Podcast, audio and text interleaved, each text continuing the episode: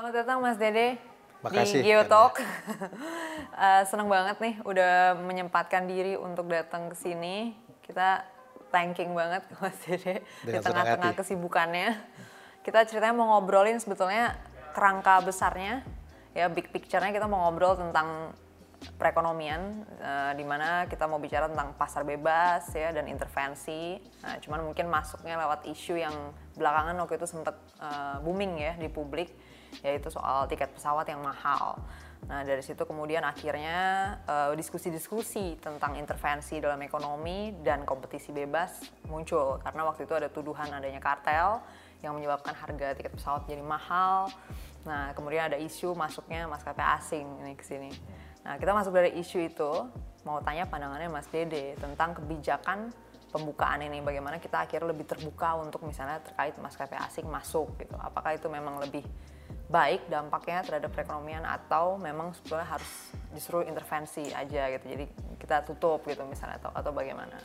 Mungkin saya kalau boleh saya coba ceritain sedikit sejarahnya ya. Ya. Ini kena kita bicara mengenai airlines industri penerbangan. Ya. Jadi di Amerika itu ada yang namanya CAB, Civil Aeronautic Board ya. Itu mereka berdiri tahun 29 30-an saya tahu, saya lupa persisnya. Jadi itu periode di zaman yang kita kenal sebagai Great Depression. Ya. Ya. Yang Keynes Dimana- kemudian Keynes ya, betul. Keynesian economics. Di mana mekanisme pasar dianggap gagal pada waktu itu kemudian Keynes datang sehingga ada satu satu lembaga yang namanya CAB Civil Aeronautic Board itu yang tugasnya itu adalah mengatur di industri penerbangan itu mulai dari jadwal, mulai dari schedule, aturan macam-macam dibuat.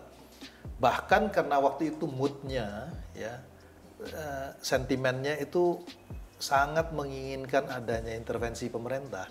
Bahkan size dari sandwich yang di, ada di pesawat itu diatur besarnya oleh yang namanya CAB ini. Oh, serious Jadi intervention dia, ya. betul. Ya, Jadi dia bukan hanya soal harga tiket dan Ya. macam-macam, tapi bahkan size dari sandwich, makanannya semua itu mereka atur. Ya. Situasi ini berkembang terus ya, Eh, sampai itu di pertengahan 70-an, Hmm. itu tiket di Amerika itu mahal sekali. Hmm. Sehingga ada satu cerita anekdot ya dari East Bostonian ya orang di Boston Timur tuh yang nggak pernah terbang. Dia satu hari ketemu dengan Senator Kennedy, Ya. ya Edward Kennedy. Dia bilang, "Uh, Why are you holding hearings about airlines? I've never been able to to fly anyway. Dia Ya. bilang, ngapain ini bikin apa namanya hearings mengenai airlines? Toh saya juga nggak bisa terbang. Itu Senator Kennedy kemudian menjawab, That's why I'm holding hearings about airlines. Karena kamu kena nggak pernah bisa terbang karena tiket eh, pesawatnya begitu mahal.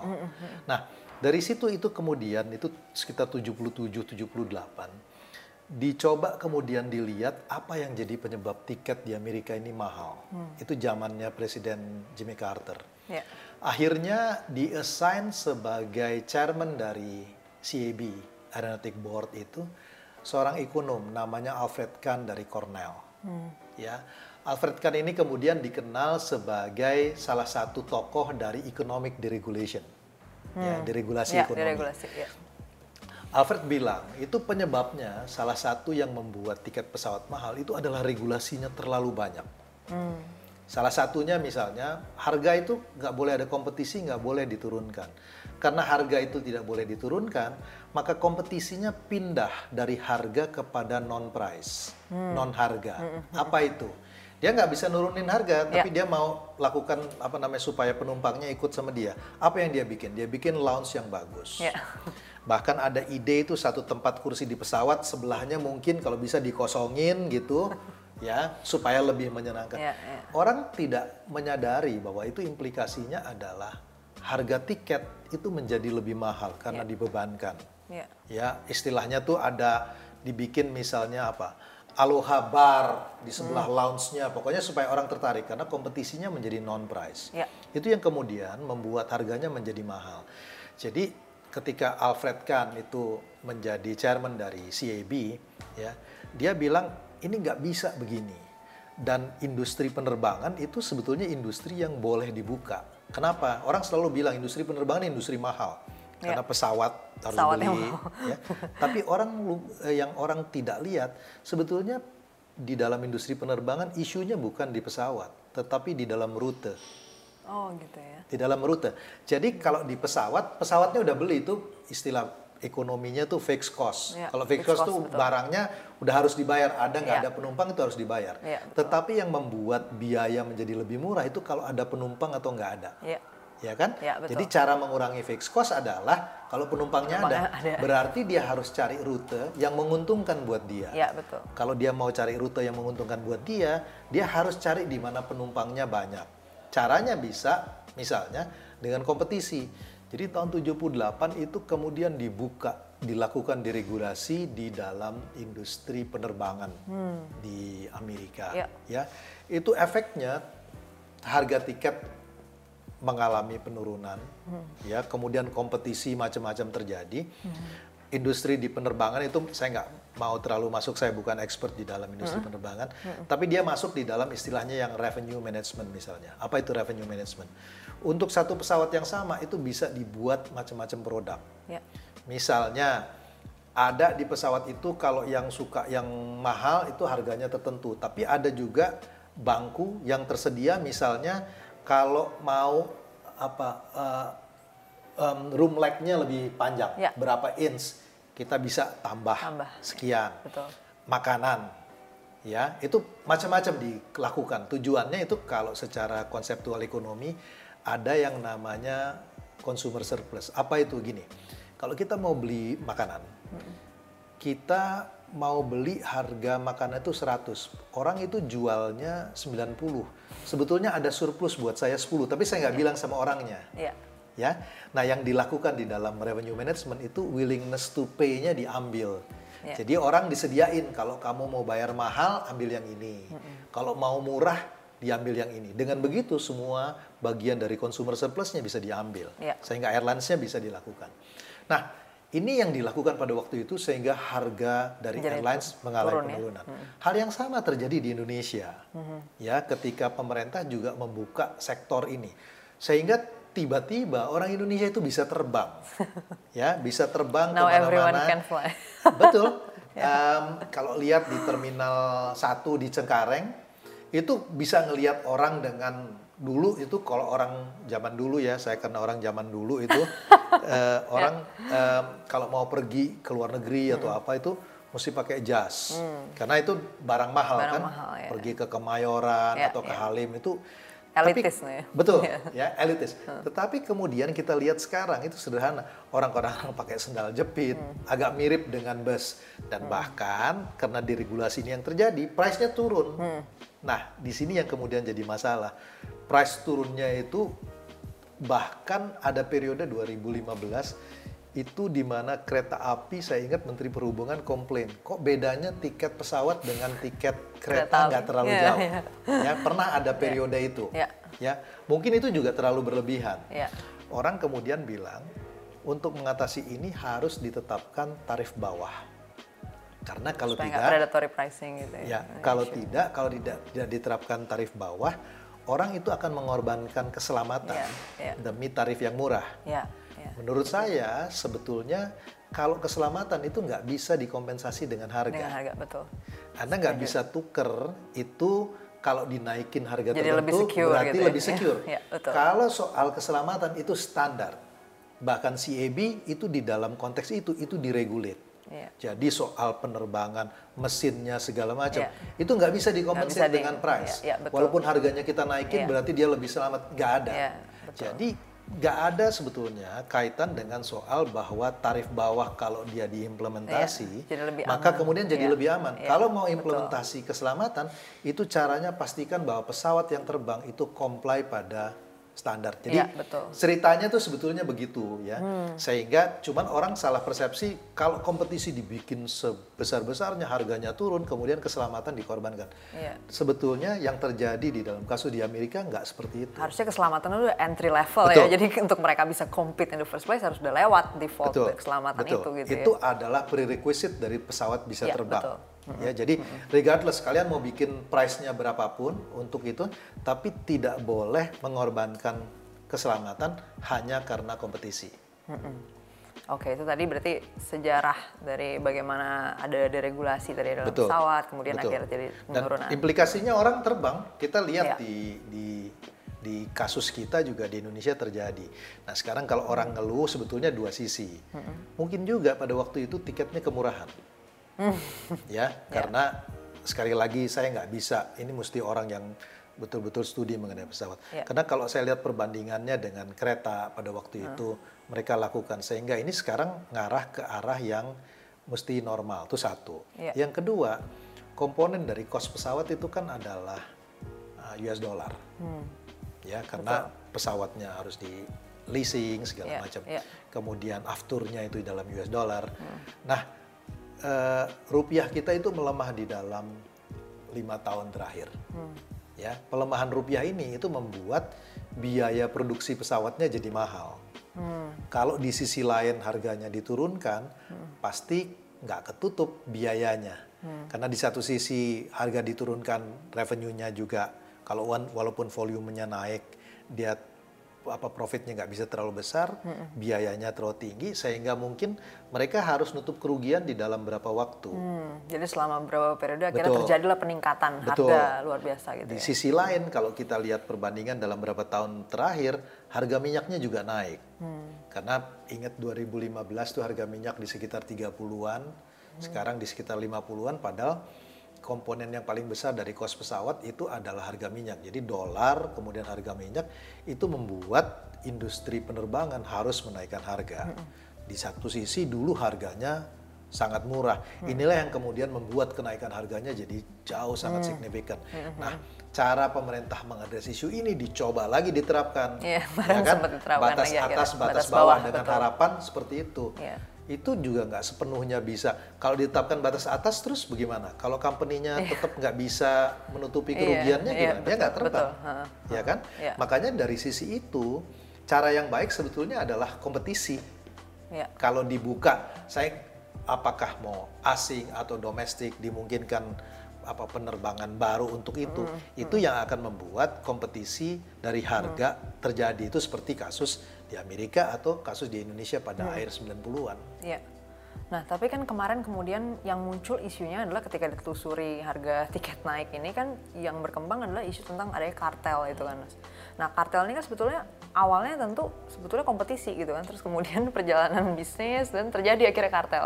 Nah, di dalam masalah seperti ini perlu berarti kan intervensi, ya nggak Mas Dede? Terkait misalnya, misalnya kartel, monopoli apalagi gitu kan misalnya. Nah, bagaimana? Berarti strike balance antara intervensi dan kompetisi yang kita mau ada ini, yang kita mau dua-duanya ada tentu saja. Dalam artian kita mau intervensi muncul untuk menjaga kompetisi itu sendiri gitu kan. Dan kompetisi itu kita mau jaga untuk menghasilkan tadi kualitas yang eh, equilibrium gitu ya untuk customer. Sebetulnya Gimana, Mas? topik yang paling sulit di dalam uh, hukum dan ekonomi itu adalah membuktikan kartel. Ya. Oke. Karena apa? Karena kita harus tahu struktur cost dari masing-masing. Ya. Baru kita tahu persis apakah ada kartel atau enggak. Hmm. Kalau kemudian saya bukan bilang bahwa nggak ada kartel, saya Ya. bilang bahwa sulit sekali, nggak segampang itu mengatakan ada atau tidak Gak ada kartel. obvious itu gitu. Ya. Ya. Kalau kita mengatakan bahwa tiket satu airlines dinaikkan, kemudian yang lain ikut menaikkan harga itu kartel, itu sebetulnya kita nggak bisa narik kesimpulan. Karena s- kenapa? Saya sebagai seorang pengusaha, kalau saingan saya naikin harga, itu kan ada ruang buat saya untuk dapat revenue tambahan kalau saya ikut naikin harga juga. Ya. Jadi secara rasional, walaupun nggak ada komunikasi, Tetap bisa, aja saya akan ikut. Ya, ya. Ya kan? Ya. Saya akan ikut. Walaupun nggak janjian gitu Betul. ya berarti. Begitu juga dengan ketika mereka nurunin harga, bukan berarti bahwa saya harus ikut nurunin harga, cuman pasar saya bisa hilang, Hmm, ya, ya, ya, ya. ya kan? Sebenarnya konsekuensi aja. Eh, itu konsekuensi. Ya. Tapi di sisi lain bisa juga itu kesepakatan.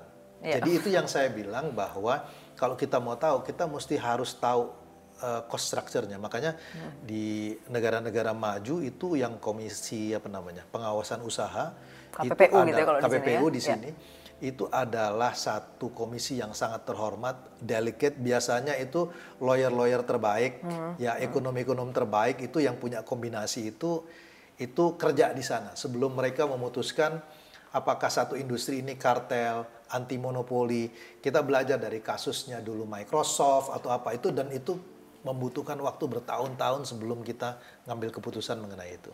Oh, iya. Jadi dari dalam hal ini sebetulnya KPPU tuh punya otonomi untuk misalnya menelusuri atau Betul. investigasi apabila diperlukan dan mungkin dari situ apabila memang terbukti baru bisa ada intervensi mungkin baru baru Betul. bisa ada kebijakan. Tapi selama kelihatannya belum terbukti gitu misalnya ada hal di mana kita harus intervensi sebetulnya kebijakannya memang sebaiknya dibuka ya.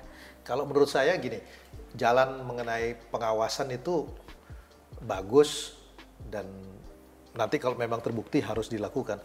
Tetapi sebetulnya yang relatif paling mudah itu Anda buka kompetisinya. Orang tuh selalu nanya, kok maunya ya jawaban yang gampang. Kalau bisa gampang kenapa kita cari yang susah sih? Iya kan?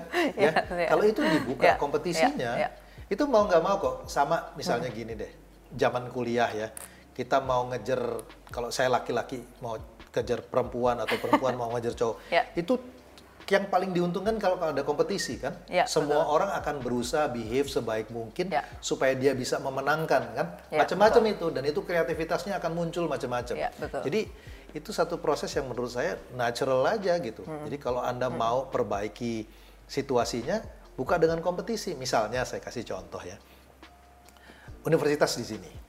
Ya, ini saya pindah ke Industri, konteks ya, ke apa, industri komoditas ya. lain. Misalnya universitas di sini, kita kirim anak sekolah ke luar negeri, which is karena argumennya sekolah di sana ada beberapa yang baik, ranking kita belum sampai apa namanya cukup baik di sana, jadi kita pergi sekolah ke sini. Pertanyaannya adalah kualitas dari universitas atau apa itu kan tergantung dari faculty membernya. Ya. Selalu itu kalau mau cari sekolah baik, lihat faculty membernya itu siapa. Ya. Ya, kalau kita mau improve kualitinya, kita harus improve di sana. Ya. Sekarang caranya, bayangkan kalau universitas itu, itu nggak boleh nerima orang lain yang dari luar universitasnya. Nggak akan ada bisa pemikiran-pemikiran baru yang Ya. masuk. Jadi kalau menurut saya, saya tahu ini isu yang sangat Sensitif. ya orang akan ngelihatnya. Ya, kenapa nggak misalnya kita buka sih Malaysia lakukan ini? Ya. itu bisa ada foreign campus di di Malaysia tuh Negaranya, ya. ya ada yang namanya Nottingham ya kalau ke Singapura tuh ada Chicago Booth Ya. Business School Ya. dia buka di sana macam-macam bisa di ini kalau kita lakukan ini akan maksa juga apakah tempat saya ngajar Universitas Indonesia ya itu juga harus compete karena kalau mau kalau nggak kalau nggak dia lakukan itu maka dia akan tertinggal Iya, betul. itu akan kasih pressure dan orang itu bisa punya opsi yang lebih baik untuk itu Iya betul. Jadi sebetulnya balik lagi tadi ya, memang lebih baik kita membuka sebetulnya terhadap kompetisi itu karena dengan ada kompetisi tentu saja secara well logically speaking gitu kan ya memang dia akan mendorong orang untuk menghasilkan kualitas yang lebih baik gitu kan ya. Sebenarnya harapannya seperti itu. Tapi tadi balik lagi eh, tampaknya policy maker kita beberapa kali membuat kebijakan yang mungkin masih takut-takut ya terhadap kompetisi. Misalnya tadi juga terkait harga, pembatasan harga dari ceiling, kemudian floor price. Nah mungkin dalam universitas juga begitu. Apakah misalnya Mas Dede melihat kan mungkin teman-teman ada concern juga tantangan bagaimana SDM kita kalau disuruh langsung bersaing dengan SDM dari luar, apakah kita memang siap dan kalau Mas Dede melihatnya apakah negara memang harus ada sikap di mana misalnya kalau bangsa kita nggak siap kita tutup aja deh dulu gitu. saya ngelihatnya gini ya di satu sisi sebetulnya siap atau nggak siap itu isu yang yang bukan dijadikan alasan untuk ngambil sesuatu karena kalau an ditanya gitu ya. ya, Ya. kalau ditanya nggak ada orang yang, yang Siap. pernah siap Yep. ya kalau baca Indeed. sejarah eh, ketika Bung Karno menyatakan kemerdekaan Indonesia itu Republik Indonesia nggak siap, siap, untuk ya, kemerdekaan betul. ya Ya. jadi waktu itu dia nyatakan aja kemerdekaan Ya. kemudian dilakukan sehingga dalam proses toh survive juga ya babak belur sampai sekarang kita juga tetap babak belur Iya, toh survive iya. juga Iya. Tetapi yang harus diperhatikan di sisi lain itu juga kita nggak bisa itu meng, meng- apa ya eh, ignore tuh menganggap bahwa ini Mengabaikan, tidak ya. eh, mengabaikan bahwa tidak ada korban dari kompetisi Iya. pasti ada. Pasti ada, Ya, betul. jadi misalnya globalisasi dilakukan, kita bilang bahwa ya udah kalau kalah dalam kompetisi ya udah kalah aja. Ya. Itu nggak bisa. Sehingga kita perlu strategi yang namanya inklusif. Mereka yang kalah di dalam kompetisi itu harus diberikan kompensasi. Kompensasinya bisa di dalam short term, jangka pendek, itu dikasih uang. Itu semacam safety net berarti. ya? Semacam safety Ya. net. Bisa dikasih uang, apakah itu kalau zamannya Roosevelt dulu itu dikasih yang namanya cash for work. Hmm. Dia kehilangan kerjaan, dia suruh kerja padat karya, Hmm. dia digaji sampai nanti aktivitas ekonominya jalan. Atau mungkin yang lebih modern, saya nggak tahu Pak Jokowi nyebutnya sekarang sebagai prakerja. Jadi ketika ya. orang kehilangan pekerjaan, Kartu dia prakerja. dikasihkan training Ya. ya sehingga itu skillnya kemudian menjadi lebih naik sehingga dia bisa siap nanti untuk masuk ke uh, Games yang baru ini, games kompetisi yang yang baru. ya, betul. misalnya Ya. nanti akibat dari disruption. Nah itu harus dilakukan. Tanpa itu maka resistensi terhadap kompetisi itu akan terjadi. Iya, betul. Ya, jadi Hmm. sekarang tentu kita nggak bisa sepenuhnya dengan mengatakan yang kalah kalah aja, karena di dalam kompetisi pasti ada yang kalah. Ya, ya. Tapi kita harus uh, membuat, memberikan kompensasi ini kepada mereka yang kalah.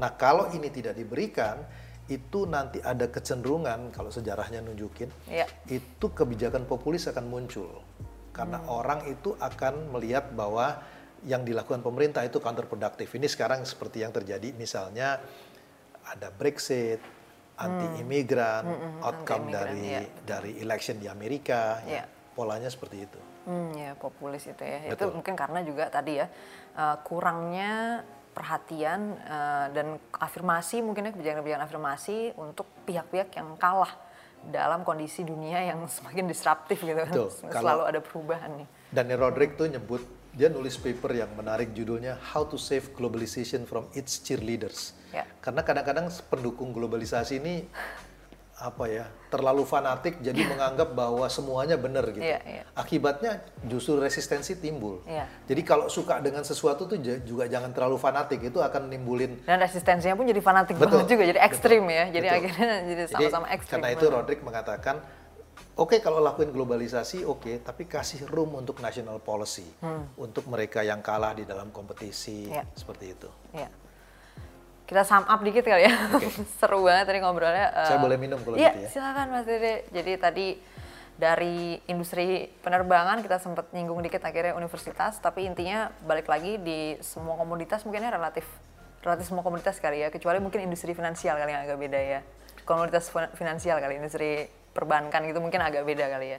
Di dalam soal Dalam regulasi. soal, Iya, ya, betul, nah, betul. jadi kalau komoditas yang lain kayak tadi misalnya universitas, penerbangan, mungkin juga barang-barang kehidupan kebutuhan sehari-hari, mungkin itu bisa sama modelnya dalam artian kita dorong ke arah lebih banyak kompetisi gitu, lebih lebih terbuka untuk ada kompetisi dan intervensi seminim mungkin apabila hanya apabila diperlukan saja gitu kan ya.